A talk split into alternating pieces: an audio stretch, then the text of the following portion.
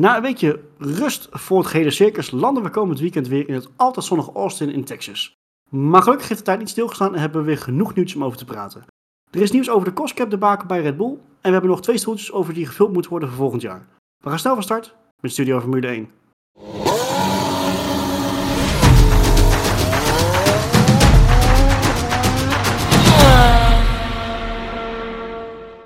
Mannen, goedenavond. Bijgekomen van weer een uh, super wild kampioenschapsfeest van uh, Max Verstappen op zondagochtend om 10 uur.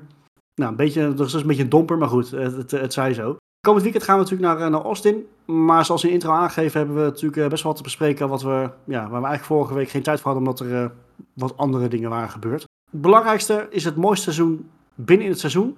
Namelijk Silly Season. De algemene noemer voor nou, wat er gaat gebeuren in de, de, de stoelendans.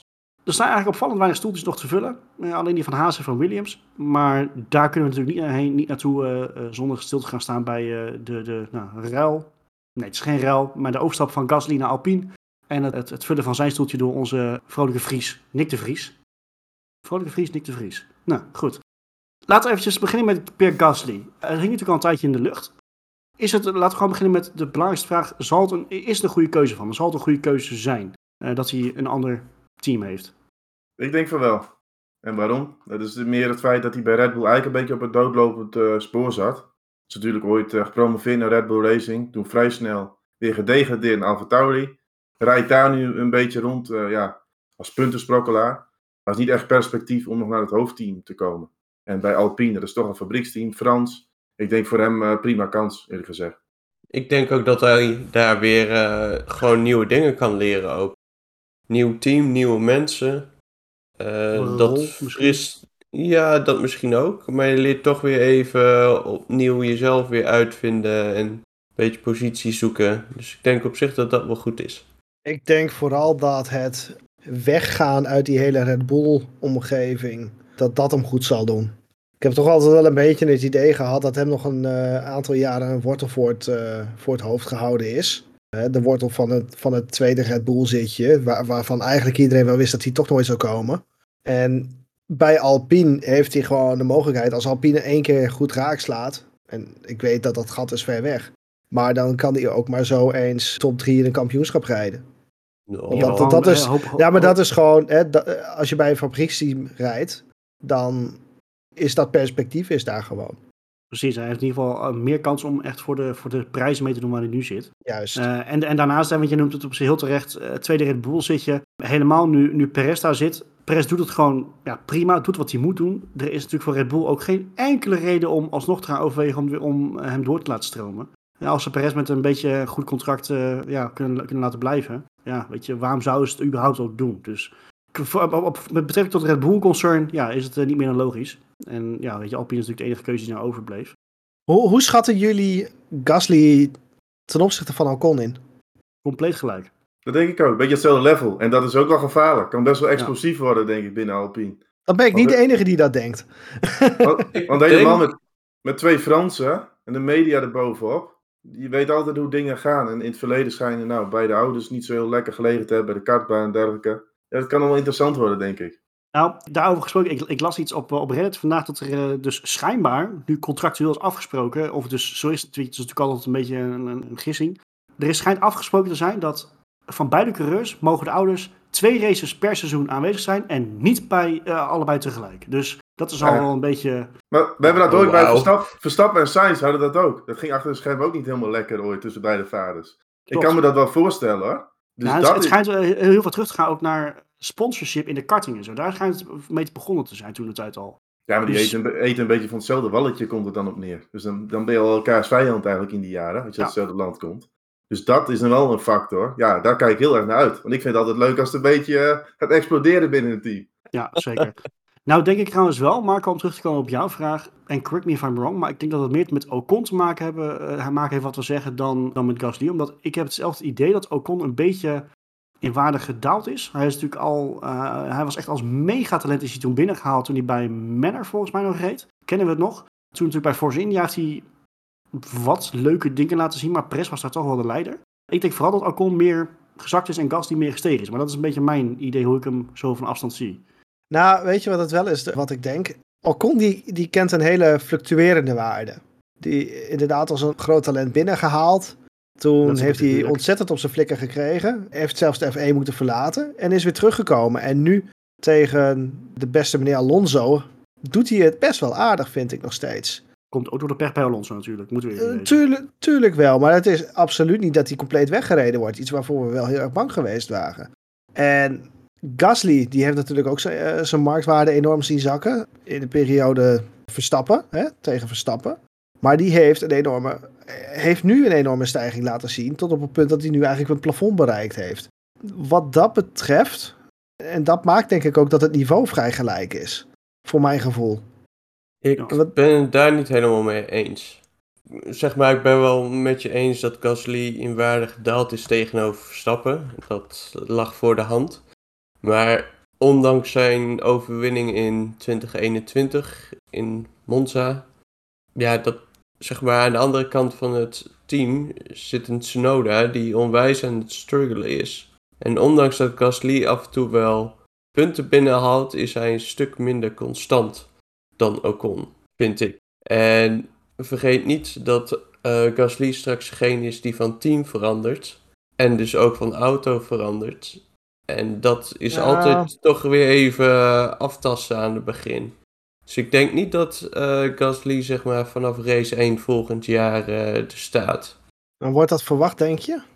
Ik denk niet dat dat verwacht wordt. Of althans, ik hoop het voor hem dat dat niet verwacht wordt. Anders gaat het nog wel eens op een teleurstelling uitlopen. En dat zou dan zeg maar de tweede teleurstelling zijn bij een fabrieksteam.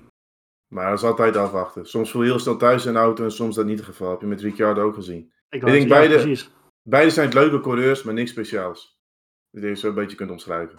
Nee, maar dan ga, je ook wel je afvragen, ga ik me afvragen, moet je dat dan als team van Alpine moet je dat dan willen? Alpine is natuurlijk wel een fabrieksteam, hè? een van de weinige fabrieksteams op de grid, die toch echt aan de weg moet gaan timmeren. Dit jaar is het redelijk. Ze zijn nog steeds geen frontrunners. Ze worden nog steeds verslagen af en toe door privateers. Hè? McLaren is gewoon nog steeds een privateer team. Tot op zekere hoogte. Eh, daar moet je toch wel boven zien te, zien te komen. En dat doen ze eigenlijk al jaren natuurlijk niet. Gooi er niet genoeg geld tegenaan. dat is heel simpel. En de speciale coureurs, die komen niet naar Alpine toe dan. Ja. Nee, maar, dan zeg je inderdaad wel wat, uh, Gooi. Maar welke speciale coureurs zijn er dan in deze zin eigenlijk nog over die er naartoe zouden kunnen? Ik denk ook dat er weinig opties waren. Alpine is natuurlijk de grote verliezer, want zij hebben natuurlijk wel een talent in eigen kweek gehad met Piastri. En die gaat dan naar McLaren, dus in dat opzicht hebben ze al compleet gefaald. Nou, dan, dan, kom je bij, op een gegeven moment bij B en C-categorie uit, ja. Ja, zij waren degene die uh, de stoelendans gemist hebben. Ja, in feite... En dat ja. doet McLaren wel goed. En als je het budget niet hebt van een Mercedes, Ferrari, Red Bull, dan moet je zorgen dat je die talenten snel oppikt. Ja. En dat hebben ze dus nagelaten, want ze hadden Piastri veel beter plan moeten voorschotelen. En dan was hij niet naar McLaren gegaan. Ja, maar dat is denk ik ook wel iets waar McLaren de afgelopen jaren extreem goed in, uh, goed in is geweest. Mhm. onder, uh, onder het gezag van Zack Brown. Perfect, perfect voorbeeld. Lando Bo Le Boris. Lando Norris is het perfecte voorbeeld. Zijn Russische neef. ja. Nee, maar ik ben nog steeds enorm fan van de manier waarop zij rijders onder hun renstal, onder het McLaren dakje, uh, ook daadwerkelijk mhm. de ruimte geven om te groeien. Daadwerkelijk in competitie hebben. Kijk maar naar die IndyCar. Ja. En kijk maar naar de Formule E, uh, wat, waar ze straks mee van start willen gaan. Ja. En ja, ik ben, ik ben eigenlijk wel een beetje bang dat de andere grote teams misschien tot op een zekere hoogte de boot aan uh, misschien wel gaan missen. Mercedes heeft natuurlijk nog wel een Formule E zitje. Nee, niet, ja, nee, nu niet meer. Dat neemt McLaren natuurlijk over. Nou, ik weet niet hoe het precies de constructie is, maar volgens mij heeft Mercedes het fabrieksteam niet meer volgend jaar, volgend seizoen. Nee, nou ja, dat zegt toch ook al een heleboel. Maar Formule E is geen kweekvijf voor Formule 1 natuurlijk. Nou, dat... want... ben ik niet met je eens. Hey, dankjewel, ja. voor, dankjewel voor het bruggetje. nee, maar... Uh, uh, kijk, natuurlijk, hè, we, hebben, gaan, we hebben het natuurlijk over Nick de Vries. Uh, die heeft zichzelf natuurlijk vooral bewezen met zijn geweldige prestatie in Monza. Maar neem niet weg dat ook zijn carrière daarvoor, hè, Formule 2 kampioen, Formule E wereldkampioen, helpt natuurlijk wel gewoon.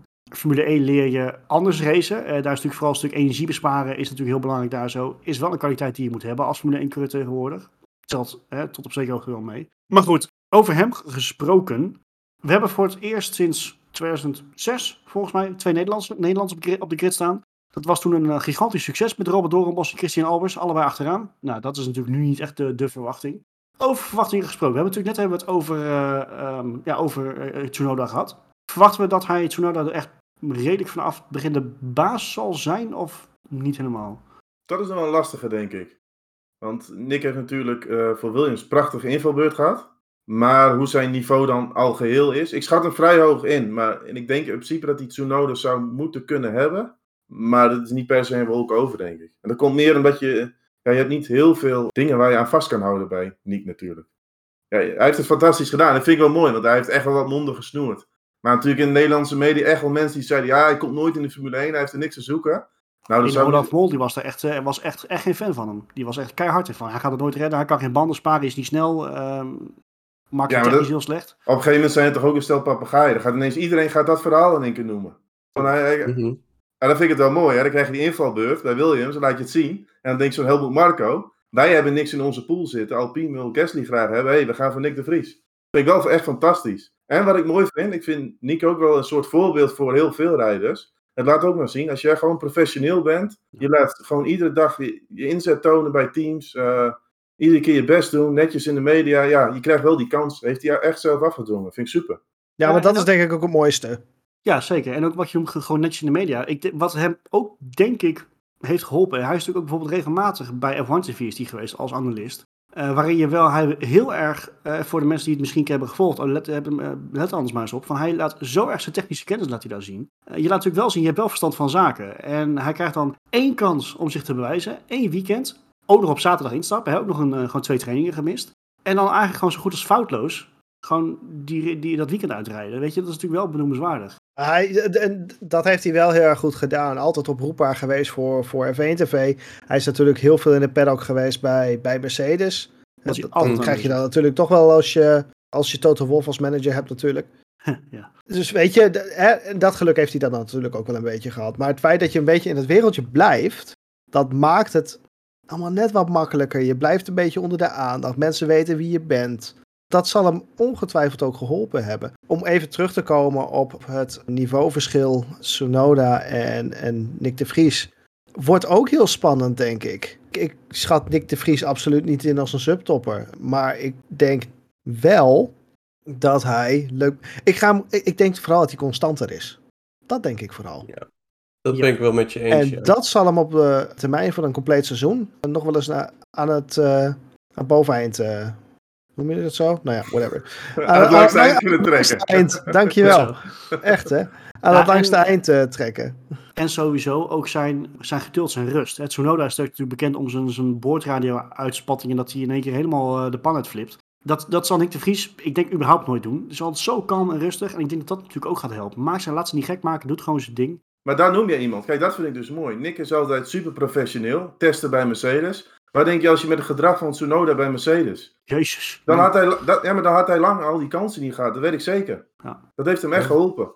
En je hebt, je hebt altijd talenten, hè, die zijn heel speciaal, zoals Verstappen, Leclerc, Hamilton. Die krijgen altijd die kansen in Formule 1 wel. Maar daaronder heb je altijd een categorie. Die kunnen aardig rijden, maar die zijn net even afhankelijk van hè, een goede sponsor, net het juiste plekje. Dat zie je dan met Nick ook wel. Die heeft natuurlijk jaren die kans niet gehad. Nu vallen in één keer wat puzzelstukjes zijn richting op. En dan krijgt hij kans. Ja, klopt hoor. Dus ik, ik gun het hem ook gewoon enorm. Ik ben, eruit, of, ik ben twee klein iets benoemen. Ik ben heel erg benieuwd of ze, en dit, dit meen ik trouwens wel oprecht, of ze wat geks kunnen doen met het chassis van volgend jaar. Omdat ze twee hele kleine coureurs hebben. Dat ben ik serieus. Nee, maar, je, je hebt niet zo'n grote monocoque. De even wat. Ja, ik noem maar wat. Zou, voor mij zouden ze best wel wat kunnen doen trouwens. Maar goed.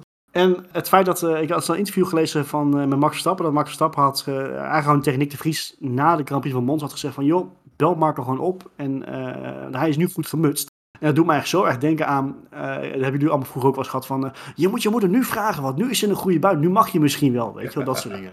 Dat, maar goed, weet je, uitvoert al goed. Het, we hebben gewoon twee Nederlanders, hij zit gewoon in een goed stoeltje, niet, niet kansloos. Dus we kijken ah, ja, Nick, heeft, Nick heeft zijn netwerk gewoon, gewoon ingezet natuurlijk. Ja. ja en, maar dit is pas het begin, hè? Want als en een stukje gunfactor. Want als hij het nu goed doet bij een AlphaTauri, uh, Perez is ook wat ouder. Nou goed, Perez doet het natuurlijk prima, maar ook weer niet dat je zegt van zo, echt geweldig natuurlijk bij Red Bull. Uh, echt uit weekenden dat hij er totaal niet bij zit. Stel dat Nick echt een heel constant seizoen kan draaien bij AlphaTauri, wie weet wat er dan in de toekomst allemaal mogelijk is. Ja, en ik denk dat hij AlphaTauri heel erg kan helpen bij hun ontwikkeling. Iets Ja. waar ik zeg maar Gasly en Tsunoda al helemaal niet eh, Tsunoda niet. Ah, nee, maar je, het klopt wel wat je zegt, Chris. Nick heeft in deze zin wel een beetje de potentie om, een, eh, om, ja, om toch wel een laadbloeier te zijn. Klopt. Maar goed, dat gezegd hebben we, we hebben dus inderdaad, zoals ik al zei, nog twee stoeltjes te vullen. Bij Haas en bij Williams. Nu eh, gaan er eh, heel veel namen eh, passeren in de review over wie hem gaat, gaat vullen. De kansen hebben zijn op zich denk ik wel redelijk bekend. Nou, bij Haas gaat het eh, schijnbaar vooral tussen Hulkenberg en eh Schumacher. Sorry, ik was even zijn naam kwijt. De grootste, grootste naam aller tijden. Ja, Nooit van gehoord naam in de Nee. Formule 1. En bij eh, eh, Williams, ja, is het een beetje gissen volgens mij nog. Logan Sargent wordt natuurlijk genoemd.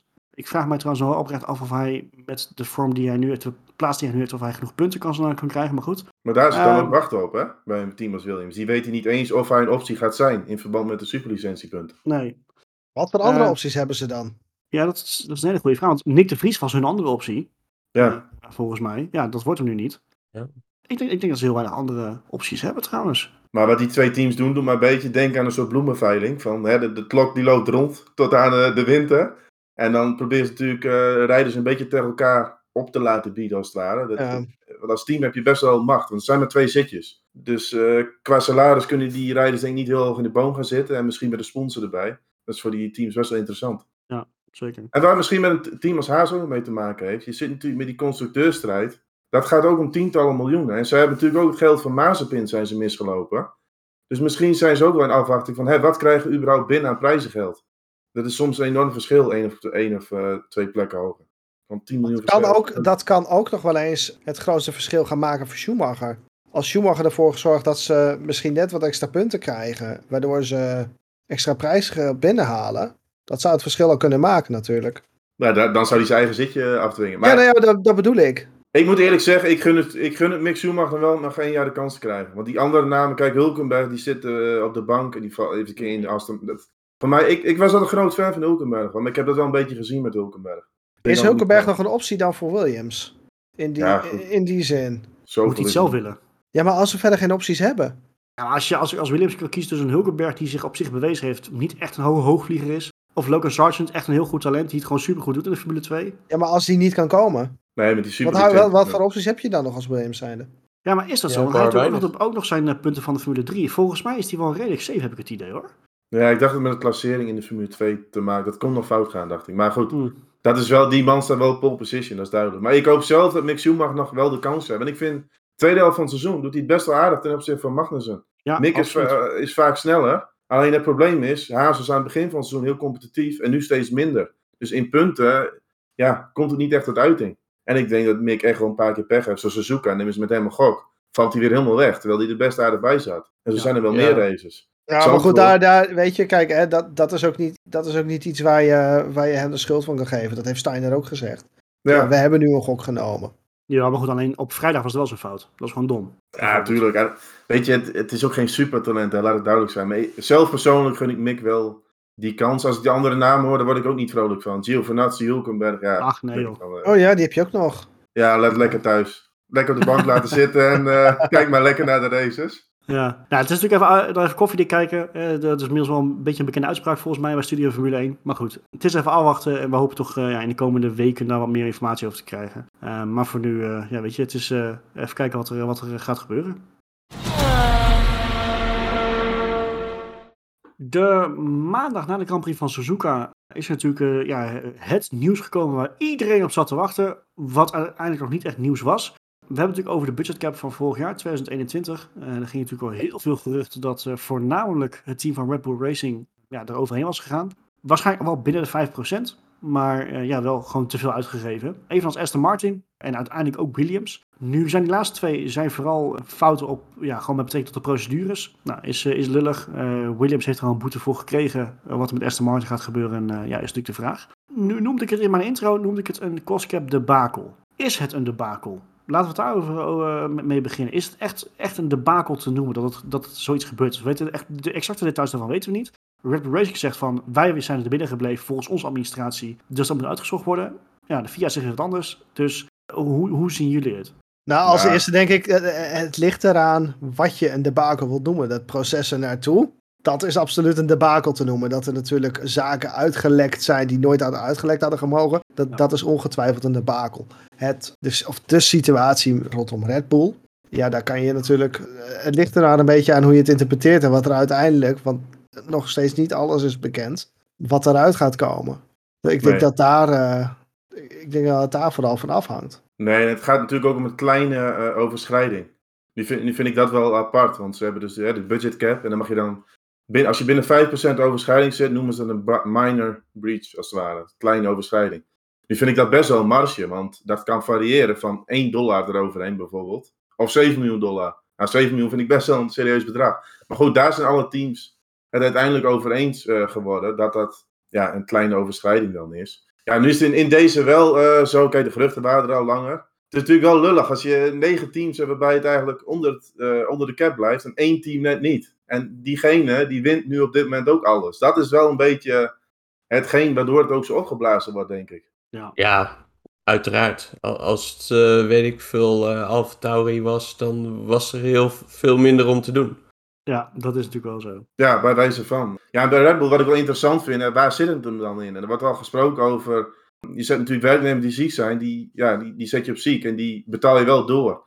Eh, dat daarin kosten misschien niet zijn meegenomen. Want ja, een werknemer die gewoon doorbetaalt, die hoort in principe gewoon op die balans te, te blijven.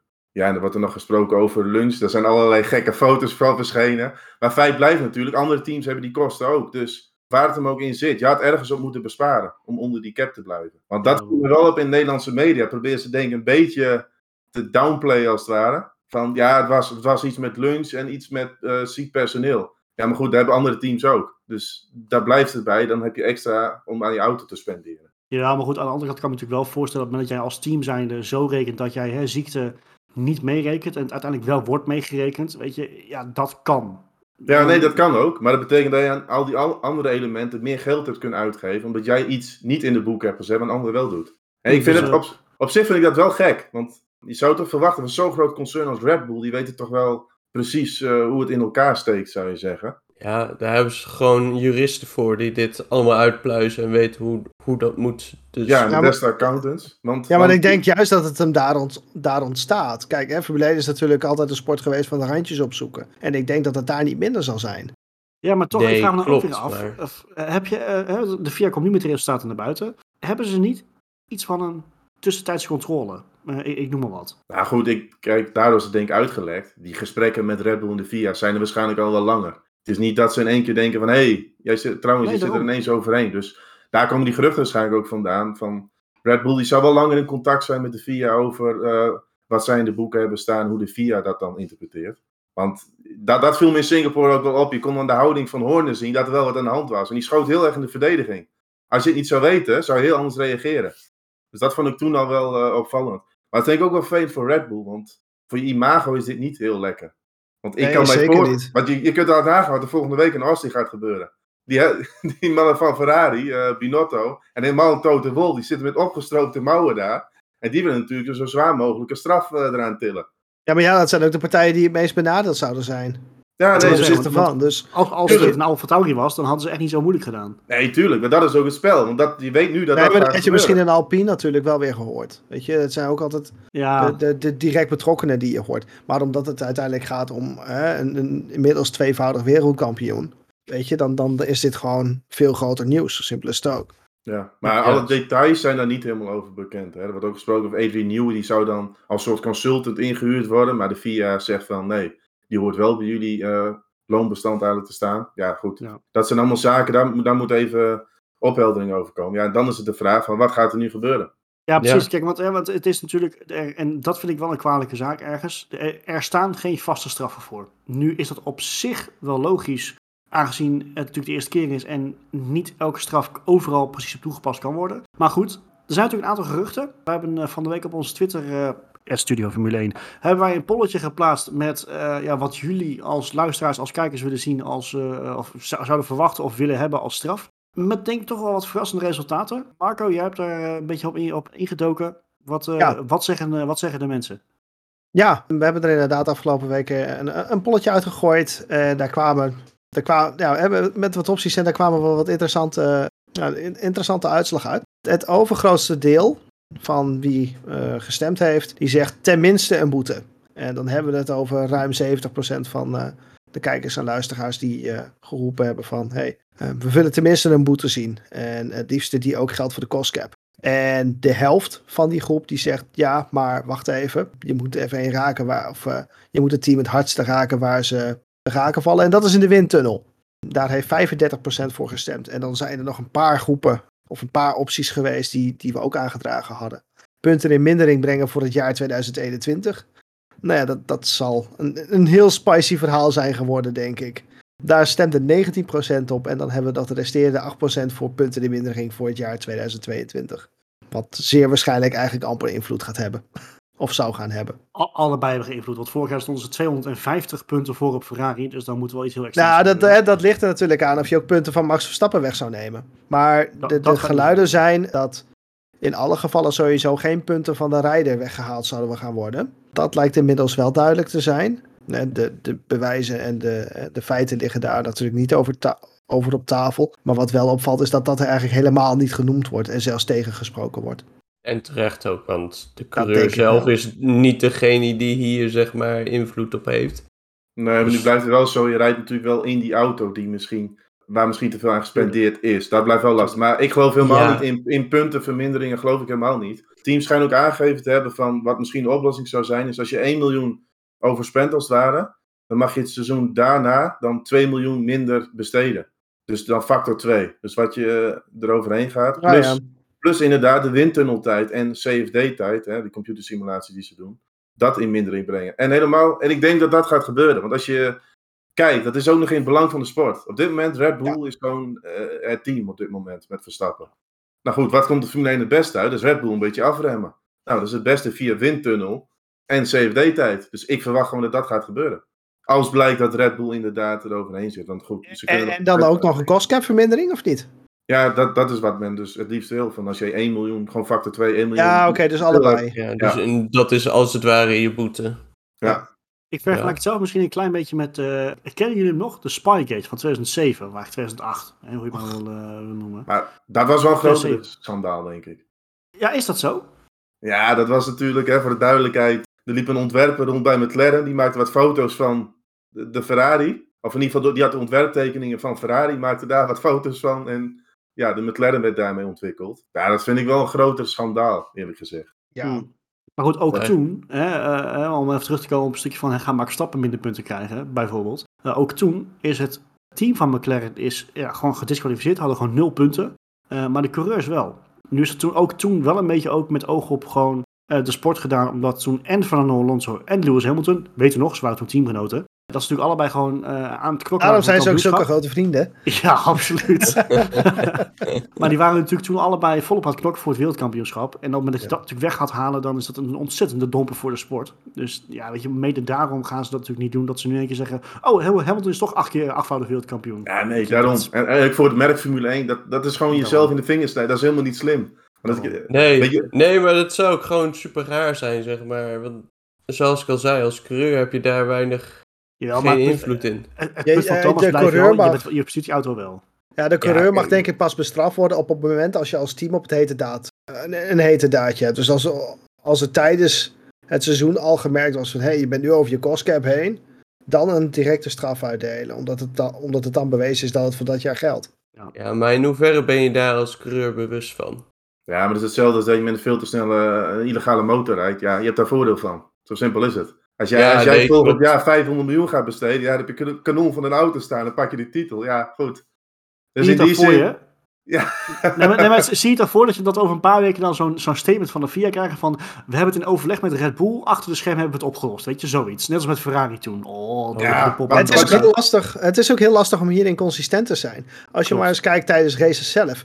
Vettel vorig jaar wordt van het podium getild omdat hij te weinig brandstof in zijn auto heeft toch iets wat tot op een zekere hoogte ook door het team gemonitord moet worden. Um, aan de andere kant, unsafe releases tijdens de race word je daar als coureur wel voor bestraft. Tijdens mm. vrije training of een kwalificatie dan weer niet. Dus weet je, daar, het is zo lastig om dit in één keer juist te krijgen. En ja, maar ik denk dat dit ook meer een soort van macro-ding is. Ja, maar dat is het ook. Maar dat maakt het ook best dus... belangrijk wat hieruit gaat komen natuurlijk. Ja, maar Ja, daarom ja. denk ik dat, hè, wat Thomas ook zegt, eh, naar voren kijken, de teams raken waar je ze het hardste raakt in, in hun toekomst. Ik bedoel, hè, de reputatieschade is er toch al. En misschien is dat het ergste al wel. Ja, maar dat, dat Ja. moet wel, dat is gewoon, het is gewoon vervelend. Precies. Kijk, als er meerdere teams nou waren die er overheen eh, zijn gegaan, maar dat is niet, het is, het is één team en dan, ja, dan weet je hoe het gaat. De Engelse media ook, die gaan het opblazen. Oh, man, man, En ik, man. en ik heb de popcorn al klaarstaan voor, voor komend weekend. Ja, maar ik heb de, zet de popcorn maar klaar. Maar die interviews met Toto Wolf en al die man, dat was wel leuk. Nou, die Ja. gaan de opgestroopte mouwen gaan staan naartoe. En die gaan het Zeker. even- Ja, tuurlijk, jij die- noemt het leuk, ik noem het uh, redelijk maar goed. Nee, ja, maar, Roy, even, dat is even Formule wel, 1, hè? politiek. Ik weet het, ik weet Dat het. hoort er gewoon bij. Even wel, hè. Stel, hè, er wordt een vermindering gebracht aan windtunnels, CFD, en, en ze krijgen een boete voor een cost cap. Red Bull had de komende vijf jaar geen wereldkampioenschappen meer. Nou, dan heeft het effect gehad. En dan zijn ze aardig op hun vingers getikt, denk ik. Ja, en dat zet dan ook direct precedent. Dan weet je ook direct van oké, dit gaan we niet nog een keer Dan gaat doen. niemand het meer proberen. Nee, maar Ja. ik denk dat ze daarmee hier een goede precedent kunnen zetten daarmee. Tuurlijk. Dus ik dit, moet, wel, dit moet je in maar- goed wegzetten. Ja. Ja, als je inderdaad die factor 2 eh ontmindering van de cost cap plus eh windtunneltijd eh inleveren. Als je daar Kijk, we, we moeten natuurlijk nu wel oppassen dat we niet eh, Red Bull nu als schuldig bevinden. Hè? Red Bull gaat nog wel in verwering hierover. En, en, en we moeten natuurlijk kijken wat hieruit gaat komen. Maar alles duidt er eigenlijk wel een beetje op dat ook Red Bull wel degelijk bewust is van hetgeen wat er gespeeld heeft. Hè, er gaat achter Ja. de schermen nog wel gekeken worden. Maar hè, wat Thomas zegt, de manier waarop Horner daar eh, op een gegeven moment voor de camera stond. Bah, Ja, als je niks Ja, gedaan en- hebt, ga je niet zo in de verdediging. Nee, en daarnaast mocht het zo zijn dat er op, uiteindelijk toch uitkomt vanuit de VIA van hè, er is inderdaad een fout geweest in de eh, administratie bij Red Bull, dus we doen er niks mee. Nou, dan staat de wereld ook helemaal in brand, want dan gaan sowieso hè, alle Engelse media gaan dan weer roepen matchfixing. ja, maar ja, dat gebeurt andersom toch ook? Ja, ik- Kijk, wij als Nederlandse Ah. media kunnen dat ook verschrikkelijk goed. Ja, klopt. Maar Ja, goed. dat is dik- media heeft altijd wel ergens een bepaald belang. En dat snap ik ook wel, want de Nederlandse media hebben bepaalde ingangen bij Red Bull. Nou, die willen ze lekker te vriend houden. De Britse media hebben ze bij Mercedes, de Italiaanse media bij... En je krijgt altijd wel een beetje een gekleurd verhaal natuurlijk. En de waarheid zit meestal een klein beetje in het midden.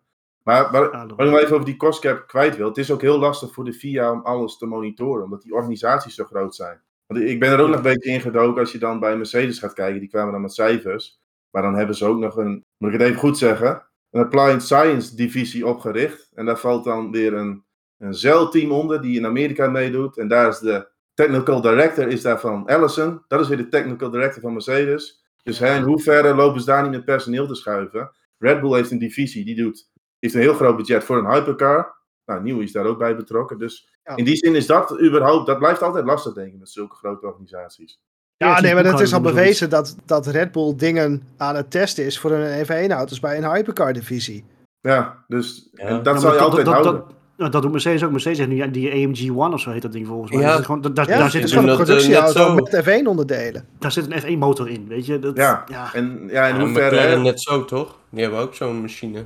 Ja, sorry. Ja, niet helemaal, maar goed. Weet je, eh, het kon op een gegeven moment wel boven water komen. Het is alleen gewoon de vraag van wat eruit gaat komen aan straffen en, en aan verklaring. Vooral, ik, ben, ik ben misschien nog meer benieuwd naar de verklaring dan naar de straf trouwens. Maar goed, dat is eh, eh, ja, iets voor in de toekomst. Voor nu, weet je, we gaan komend weekend eerst lekker racen op het eh, prachtige van Kota. En daar hebben we denk ik met z'n allen ontzettend veel zin in. Barbecue, hotdog, cowboys. Wat hebben we nog meer? Allemaal stereotypen. We gaan even naar Texas. Het ski van Kota. ja, ja. Het ski van Kota, Circuit of the Americas. Ah, dat is een beetje een rare naam moet ik zeggen, maar goed, eh, dat is wat anders. Een beetje on-Amerikaans ski zou je bijna kunnen zeggen. Met de layout die ze, die ze hebben. Hoogteverschillen, combinatie van heel veel populaire stukken van andere circuits. Ze hebben een beetje Marcus Beckett hebben ze nagehaapt. Ze hebben bocht 8 van Turkije hebben ze omgekeerd nagehaapt. Het is, eh, het is echt van alles en nog wat. Ik ben er fan van. Er zit hier iemand in deze groep die is er niet zo fan van. Marco. Maar toch is het altijd best wel een hele happening om daar te komen. Dat is echt, we hebben natuurlijk Miami gehad, dat was al eh, overdreven, maar Texas kunnen ze ook heel erg wat van. Wat kunnen we verwachten? Want het is op zich niet een heel bijzonder circuit eh, dat je denkt van, oh, daar gaat een bepaald team naar boven drijven. Gaan we gewoon weer dezelfde kanshebbers hebben en ook dezelfde namen vooraan zien? Of verwachten we toch een verrassing van het een of het ander? Ik wil eerst één ding zeggen. Ik ben het voor het eerst rondom Kota met jou eens. Dat het Ja. een raar circuit is. Ja, oké, maar ik, ik vind het Het raar is leuk. geen oval. Ja, oké, maar, maar ik vind het raar leuk, jij niet. Nee, nee, dat klopt. Dat klopt. Ja, misschien, ik vind het best een prima circuit. maar het, het- het is meer van in Amerika, dan verwacht je gewoon iets meer spektakel of... Want je hebt van die oldschool circuits daar die super gaaf zijn. En op zich is Kota. Ja, die run naar bocht 1 vind ik wel gaaf trouwens. Gaat echt stijl omhoog. Ik denk, als je daar uh, gaat wandelen, dan mag je echt wel bergschoenen meenemen. nee, maar dat is wel gaaf. En verder qua layout is een beetje een mix uh, van alles. Hè. Eerste sector supersnelle bochten. Lang rechtstuk, wat uh, korte bochtjes. En ja, misschien een team als Mercedes. Maar dat, ik denk dat het ook een beetje afhangt van het asfalt. Ze hebben, dat was natuurlijk ook altijd in het verleden. Zag je ze altijd met de Formule 1 echt springen. MotoGP-rijders slagen erover. Die hebben ja, vorig jaar toch heel erg. Ja, 2021 heeft de MotoGP gezegd, als dit zo blijft, dan rijden we niet weer. Dus hebben ze voor dit jaar nieuw asfalt neergelegd. Maar goed, ik weet niet, dat was begin dit jaar. Ik weet niet hoe de staat nu direct is. Maar ik ga ervan uit dat dat wel een stuk beter is. Ja, maar, het ligt er ook wat er in de tussentijd nog rijdt, zeg maar. Ja, daarom. Ja, dat, races. Het ja, probleem bij... er is geen enkele klasse die een circuit zo verlukt als de Formule 1. Dat is onder andere ook bijvoorbeeld op het circuit van Assen is dat op een gegeven moment toen te sprake gebracht. Toen de, de gerucht mm dat de Formule 1 misschien naar Assen ging. Toen zou ook de MotoGP direct van echt niet doen. Want die auto's die maken het circuit zo kapot met hun, ja, hun krachten. Omdat ze zo gigantisch hard op de grond gedrukt worden. Um, maar bij Kota heb je ook nog een keertje dat, dat die hoogteverschillen heeft. Dat die grond gewoon werkt. Dat klinkt misschien een beetje raar, maar dat helpt ook gewoon niet mee. En, en uh, weet je, een coureur en topcoureur die voelt elke millimeter verschil voelen ze. Dus ja, op zich logisch. Ja, en dat is natuurlijk wel een ding, hè, want het stuiter is dit jaar echt een issue. Dus hè, is, dat asfalt, is dat prima in orde? Dan bijvoorbeeld de team als Mercedes, die heeft natuurlijk veel last van. Die zouden misschien wel eens mee kunnen draaien. Want her en der lees je wel dat dit misschien alweer een circuit wordt, net als Spa, heel veel grid penalties. Natuurlijk dan vier races te gaan. Er zitten een aantal teams die denken van ja, waar gaan we nog een nieuwe motor inzetten? Austin is op zich wel relatief makkelijk met inhalen. Hoge bandenslijtage vaak, dus als je grip penalty wil nemen, dan kan dat hier.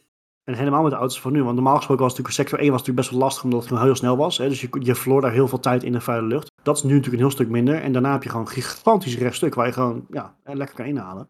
Ja. Uh, dus ik, ik, ik, verwacht, ik verwacht serieus, serieus wel spektakel uh, dit jaar. Ja, ik denk het ook. En kijk, helemaal Max Verstappen. Op zich hoop ik dat hij weer misschien een nieuwe uh, verbrandingsmotor neemt. Wat hij bijvoorbeeld in Monza heeft gedaan. Neem je vijf plekken straf, kun je de motor iets ja, harder aanpakken in de race. ja, dat is, dat is toch wel leuk als hij iets naar voren moet komen. Eh, de spanning iets uh, groter maken, denk ik. Ja, was ja. natuurlijk vorig jaar. Nou ja, spanning, hij is al kampioen, dus... Uh... Ja, maar goed, het gaat, dat, is niet spannend meer, Chris. Nee, dat klopt. Ja, we hebben de constructeurstitel nog. Daar gaat, dus de vraag natuurlijk of Red Bull dubbelfeest heeft komend weekend. Dat ze, uh, dan kan de hoed op en dan is het weer feest. Dan moeten ze aardig uitlopen op Ferrari. Maar het is, het is bijvoorbeeld ook nog spannend om plek 6, 7, 8. Want eerder in de uitzending zei we het al. Dat is soms echt een groot verschil. Voor mij twee, drie plekken verschil is 18 miljoen dollar prijzengeld. Nou, nou en vergeet plek 4-5 niet. Ja, die haalt binnen McLaren. Ik denk dat die, ik denk dat die met name de uh, komende race wel eens heel interessant kan zijn. Want ik, ik heb niet het idee dat het een circuit is voor, uh, voor McLaren dit keer weer. Nee.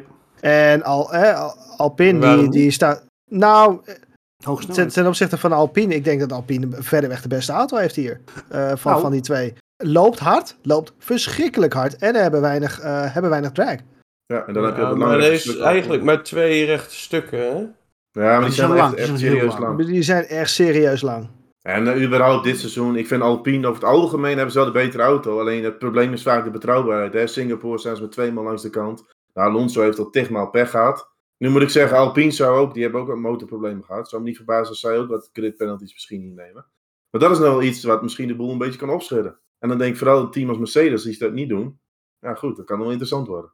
Wie weet, wie weet. Dit alles natuurlijk afhankelijk van het weer. Uh, we hebben op zich op Kota hebben we wel uh, gek weer gezien. Was dat de kwalificatie werd uitgesteld. Dat de kwalificatie werd bepaald op basis van FP3, als ik me goed herinner. 2015, 16. Er kan in ieder geval heel, heel veel geks gebeuren daar zo. Dus, Meteo Marco, wat gaat het worden? Droog. Ah. Okay. Ja, nou, dat helemaal ah. echt droog en warm. Nee, dat is wel interessant. Ja, uh, ja. 25 plus. Dus Zo ja, voor, een race die ook daadwerkelijk gereden gaat worden op tijd. Nou, nou, nou, nou, nou, Chris. niet zo, niet... Is ook een keer gebeurd hoor. Maar er zijn ook nog mensen die, moeten... Moet flessen zijn. Er zijn mensen die moeten op maandag werken, hè? Want het begint natuurlijk s'avonds Nederlandse tijd. Als ze dan drie uur uitstel hebben... Dat is voor sommige ja, dat, dat, dat, dat, is zeker waar. Oh shit, is ook zo. Dat is, dat is voor mij ook een van de redenen waarom dit een van mijn favoriete races van het jaar is. Gewoon bord op schoot of waarschijnlijk een van de kapsel of zo op schoot. Hè? Toch uh, zondag. En dan, ja, kan, uh... kan, ik over meepraten hoor. Die ochtendраces, dat vind ik altijd maar niks. Maar die avond, ik ben meer een avondmens. dus dat, uh, nee, dat vind ik helemaal geweldig. En als het een beetje toch, lekker warm... toch tegen van je, Roy. geen, geen lekkere, lekker dikke hamburger of geen spareribs. Jongen, ja. Ach, ach. en uh, wat, wat, wat moet je eten als we in Brazilië zijn dan? Ja, weet ik niet. Wat eten ze daar? Ik heb Rund? geen idee. Ik heb geen Hmm. idee. En, en, Ja. en misschien dat de spanning dit seizoen nog een beetje in zit. Van, hè, wat gaat Verstappen qua overwinningen doen? Want volgens mij als hij nu nog één wint, zit hij gelijk met Schumacher. Dat is Ja. dan het record. En met Hamilton geloof ik. Ja goed, Nee, daar met gaat hij eh, dus... Vet- Vet- eh, Schumacher en Vettel. Oh, Vettel natuurlijk. Dat was ook in de Red Bull, ja. Nou goed, ik denk, ja, de kans is natuurlijk groot dat eh, Verstappen dat record gaat overnemen. Maar dat zijn allemaal... Ja, Leuke- hoeveel races hadden ze in het seizoen van Schumacher? Voor mij had Schumacher 13 van de 18 of Ja, je kan beter met een percentage rekenen. Ja, Ja, daarom, dat, weet je, dat zijn leuke feitjes voor, voor veel fans. Maar Fangio, die had volgens mij maar zes races in de jaren 50. Ja, su- succes met dat record zou ik zeggen dan. Ja, Dat gaat het niet worden. Dus, maar dat is Maar even leuk om het te weg. zien. Weet je, de meeste overwinningen in het seizoen is wel gewoon een lekker om te hebben. Weet je, dat, Ja, absoluut. En dat is een bizarre, ja, bizar aantal als hij op 15 of hoger komt. Dat zou natuurlijk eh, gigantisch zijn. Ja. En, en wel gewoon nog steeds, ja, maar daar moet natuurlijk wel eerlijk in wezen, ehm, wel in het seizoen wat wel gewoon heel competitief is. Want we hebben natuurlijk Schumacher als voorbeeld. Schumacher in de hoogtijdagen was ook het veld gewoon minder competitief. En had je gewoon veel, meer verschil, veel grotere verschillen tussen de teams. Dus het is, het is als je in percentage kijkt, is het misschien lager. Maar de prestatie is er in mijn ogen niet minder om. Helemaal als je in wat voor stelheid af en toe natuurlijk doet. Hè? Ik bedoel, we hebben het ook over Japan gehad. Dat hij in drie kwartier en een half minuut weggaat bij, eh, bij Leclerc. Weet je, het is wel ontzettend knap natuurlijk. Hè? Ja, Dat moeten, we niet, eh, moeten we niet vergeten. Maar goed, schaamteloos voorspellen. Zijn we goed in? Kota is natuurlijk, eh, wat ik zeg, een circuit waar op zich, we denken niet heel veel gekke dingen gaan, gaan verwachten. Helemaal gezien het dus natuurlijk droog blijft. Maar jullie kennen, hebben jullie altijd wel weer iets geks en eh, uit, uit, de- uit de mouw schudden. Ik begin met eh, vaak toch de meest serieuze kandidaat van ons vieren, Chris. Wat, eh, wat wordt jouw top 3? Wat mijn top 3 wordt, ik zet Max Verstappen op 1. Hij heeft volgens mij de afgelopen paar jaren wel laten zien dat hij hier eh, heel goed op dit circuit. En ik zet Hamilton op 2.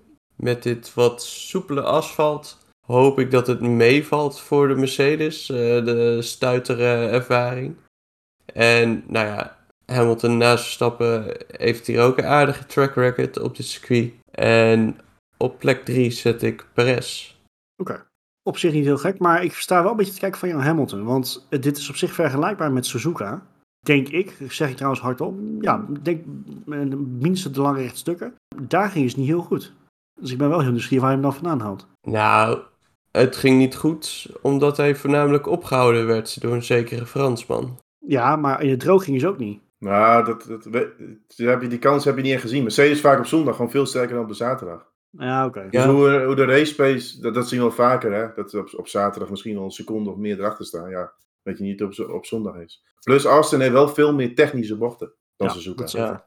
Laatste sector is echt wel een beetje stop en go kartachtig. Ja, zeker weten. Ja, plus zeg maar de Aston Martin is ook geen superauto, maar in Suzuka deed Vettel daar toch best wel aardig. Dus als het circuit de coureur ligt, dan kan het al een hoop helpen. Ja, zeker weten. Nou, oké. We, gaan, we gaan het zien. Vreemde eend in de bijt. Eh, op zich redelijk vaste rubriek. Alleen eh, meestal pakken we natuurlijk een coureur die uit het land komt of iets met het land heeft. Nou, we hebben geen Amerikaanse coureur. Godspeed. En Scott Speed, mijn god zeg. nou, eh, v- volgend jaar, waarschijnlijk, jaar waarschijnlijk Logan Sargent. Kunnen we die natuurlijk meenemen, maar voor Hey, het een beetje lastig. We hebben wel een paar nep-Amerikanen, maar die hebben we al gehad dit jaar. Thomas noemt het net, crit penalties. Er gaan natuurlijk waarschijnlijk een aantal teams die zullen een eh, penalty pakken met, eh, met de motor. Dus bij deze de vraag, hoeveel coureurs gaan een grid penalty krijgen of pakken? Hmm. Inclusief of exclusief straffen tijdens vrije training. Nee, we hebben het echt over de bewuste penalties die ze pakken. Ja, Dus dat lijkt me wel, want anders wordt het helemaal gokken. Oh, En dat doen we in Las Vegas pas. draai aan dat rad, draai aan dat rad en het al. Wat gaat het worden? Eh, ik denk drie. Valt mij. Drie stuks. Oké. Ja. Staat genoteerd. Nou, ik zou niet gaan vragen wie, want dan eh, duurt de aflevering nog een half uur lang. Geef Ja. Oké, ik pak hem even over. Ik ga voor een 1-2'tje voor Red Bull. Stappen Perez. Ik ben geneigd om Hamilton 3 te zeggen. Mede door wat Chris net zegt. Hij zei heel vaak wel heel erg goed. Het ligt hem echt heel goed. Dus ga ik ook gewoon doen. Hamilton 3. Ja, ik zie het wel gebeuren. Hoop ik. Hij moet nog steeds een Grand Prix winnen. Dit dit wordt waarschijnlijk wel het eerste seizoen sinds zijn, sinds zijn, sinds zijn debuut. Dat hij gewoon geen Grand Prix gaat winnen. Dat is ook wel pijnlijk trouwens. Wel heftig.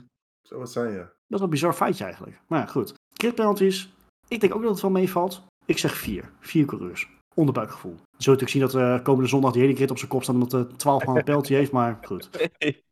En, nie- en niemand weet de startopstelling, net als in Monza. Ja, dan heb je hem Nee. eh, zondag, zondagochtend 11 uur of zo. Dat is de grid pas eh, bekend, weet je wel. Dat, eh, man, man, man. Nou, goed. Thomas. Ja, ik, vind- ik vind dat Verstappen wint, dat vind ik een beetje saai worden. Sorry.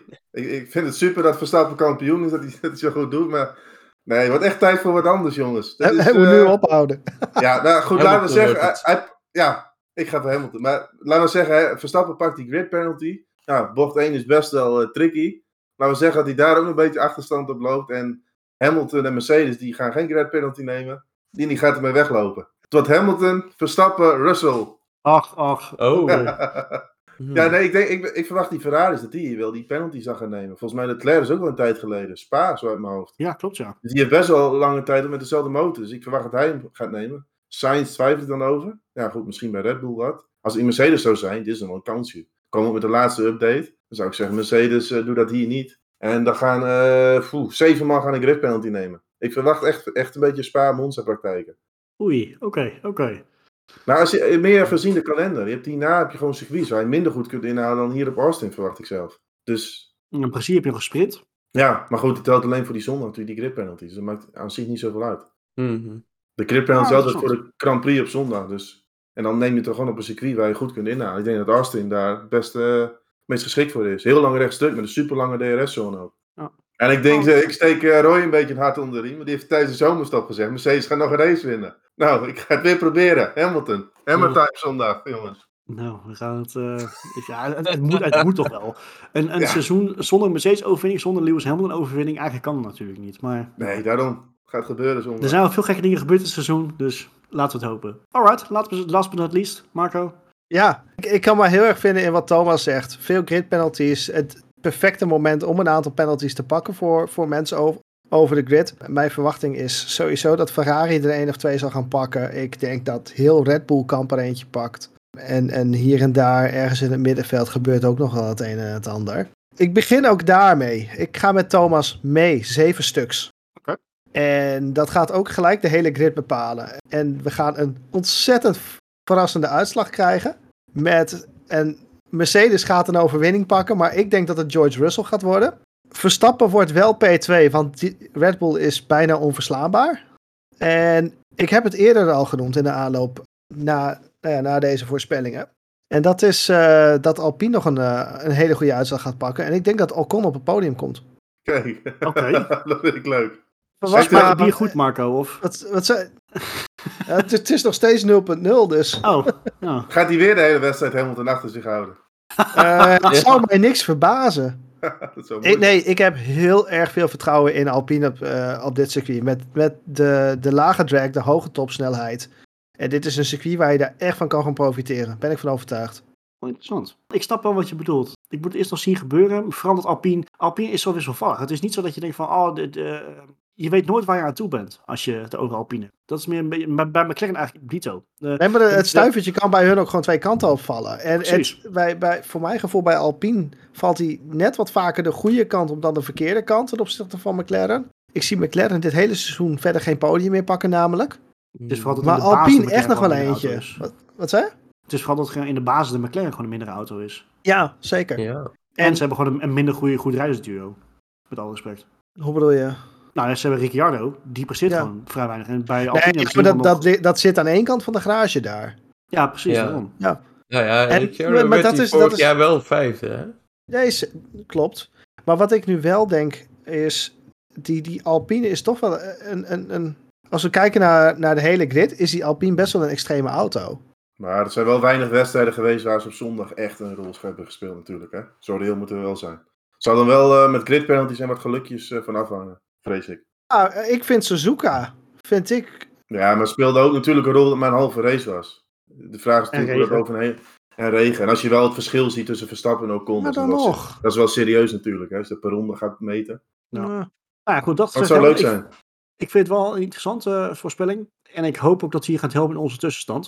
We hebben natuurlijk elke race hebben we natuurlijk een puntentelling. eh, waarin wij eh, ja, gaan kijken of we een beetje goed zijn in je voorspellen. Het gaat ons ontzettend goed af dit jaar. Maar daar gaan we even kijken wat, wat de tussenstand momenteel is. Wie wil hem eh, voor ons gaan? eh, want ik ben ook wel oprecht wel nieuwsgierig. Want ik weet namelijk niet wat de tussenstand is momenteel. Wie ik wil ook niet, laat me verrassen. Ik, ik weet Ja. wel dat het spannender is dan het wereldkampioenschap Formule 1. Dat weet ik wel.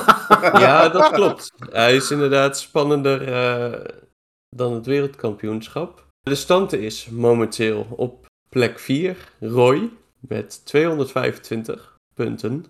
Oh, je hebt vier? Ja, Ja, Wat je staat die op het berg, podium, je staat op podium, Marco. Hoe dan?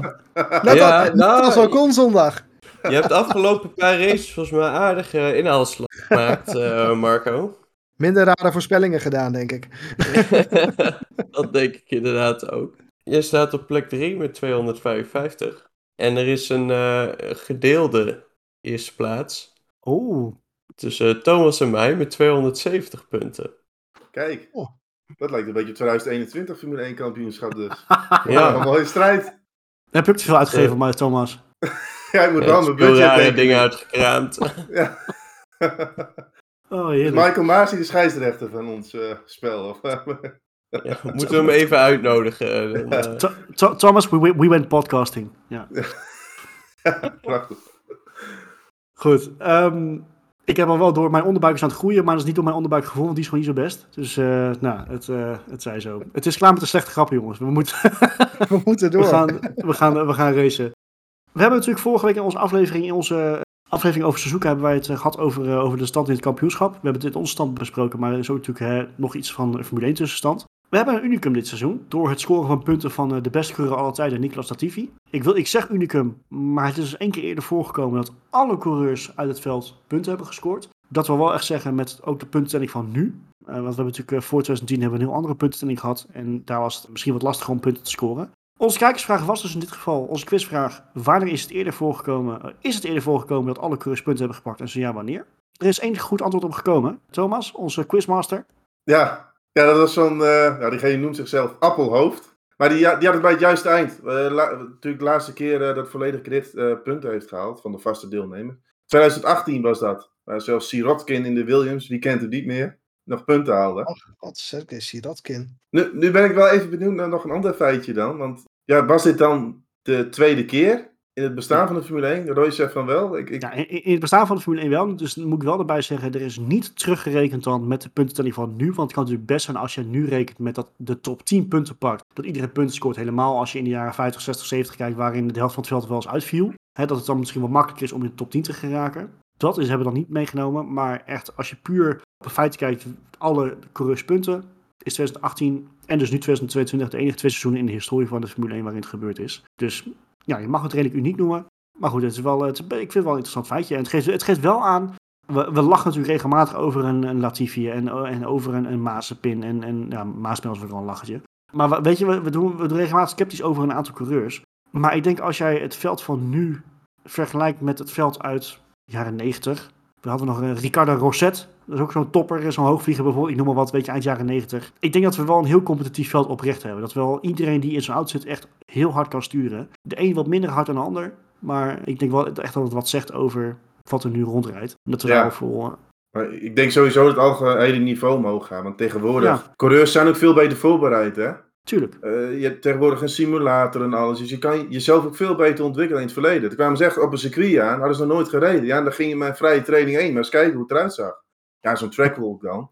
Ja, maar goed, nu- heb je nu- bocht. Nee, nu heb je echt, hè, er wordt in de sim worden er honderden ronden gereden. En ze weten ongeveer de rempunten al wel. Dus ja, het algehele niveau gaat het gewoon, eh, wordt veel beter. Omdat de tools, die zijn er ook. Ja. Het, het, het is ook wel logisch, maar het is wel iets waar we heel dankbaar voor mogen zijn. Dat we wel gewoon. Ja. eh, nou, en dat we ook echt daadwerkelijk de allerbeste coureurs alle tijden gewoon op het circuit zien. Of op de alle tijden, op, het, eh, op, op de wereld gewoon op het circuit zien.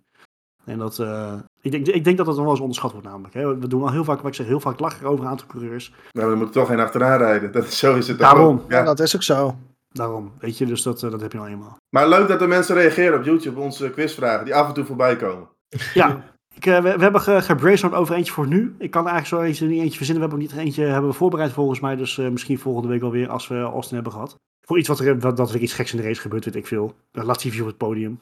De laatste keer kan race op het podium. Dat is dus Lance Stroll natuurlijk geweest. Om uh, Ja. Baku, denk ik. Ja, je komt Nou, er zelf heb- al in, Roy. Dat is Ja, ik, geen heb ik hem nu al verklapt. Zo Nou, jammer dit, oei.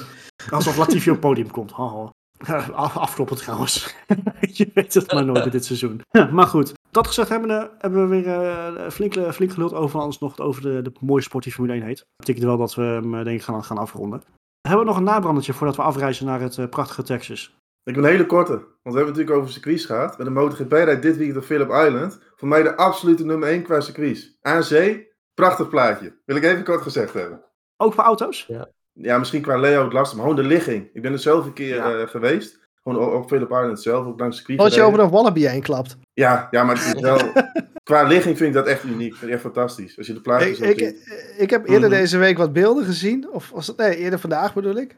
Over, over verschillende wallabies die daar over het circuit aan het heen huppelen zijn. terwijl Ja, daar... schitterend. Ja, dat is We, wel we, iets. we Ja. hebben het in Zandvoort natuurlijk gehad over duiven. Maar eh, ja, wallabies is wel, eh, wel heel heftig. Dat is wel Ja, anders. dat is wel een andere koek. Maar, Ja, maar qua sowieso- ligging kan er geen circuit eh aan Philip Island. Nee, daar ben ik zeker met je eens. Sowieso een heel klein zijstapje. Eh, Australië heeft sowieso wel prachtige circuits hoor. Ik bedoel, Bathurst, de Mount Panorama, dat is Of. een van de mooiste circuits van de wereld. Als ze mij vragen. Ook voor, voor auto's, ja, motor moet je dat trouwens niet hebben, denk ik. Voor auto's dan. Nou, een beetje link. Zo. Ja. Maar weet je, ook dat, dat was ook een uniek circuit. Gewoon een berg op. Weet je, het, Ja. het, het- ja. Eh, En een aantal circuits waar ook eh, de supercars naar rijden. Eh, vroeger, vroeger de V8 supercars, nu Australian supercars heet het volgens mij. Eh noem maar Ja, maar zelfs. Adelaide. Wie kent het Adelaide, nog? Sandown, eh, wat heb je? eh, Eastern Creek volgens mij. Het zijn prachtige circuits. En eh, best wel een, een racegek land eigenlijk, als je het zo eh, bekijkt. Maar goed. Een Mhm. mooi zijstapje. Gaat allemaal kijken voor mensen die niet kunnen slapen of die de nacht doorhalen. Want het is volgens mij wel moeilijk vroeg zondag. Eh, MotoGP rijdt om vijf uur. Ja, dat bedoel ik. Eh, eh, Geen haar aan elkaar de kop. Echt niet. goed. Gaan we, gaan we voor nu afronden. Eh, Studie Formule 1 afsluiten met MotoGP. Dat is ook wel interessant trouwens. Maar goed. En soms een stap daarbuiten. Ja, dat, precies. We houden wel eer aan ons naam. Dus eh, helemaal goed. Mannen, dank jullie wel. Ik heb er zin in. Bord op schoot. En eh, hopelijk een mooie, mooie race tegemoet. Dank jullie wel. Luisteraars, bedankt voor het luisteren. Kijkers, bedankt voor het kijken. En we zien na de Grand Prix van Austin zien we jullie weer.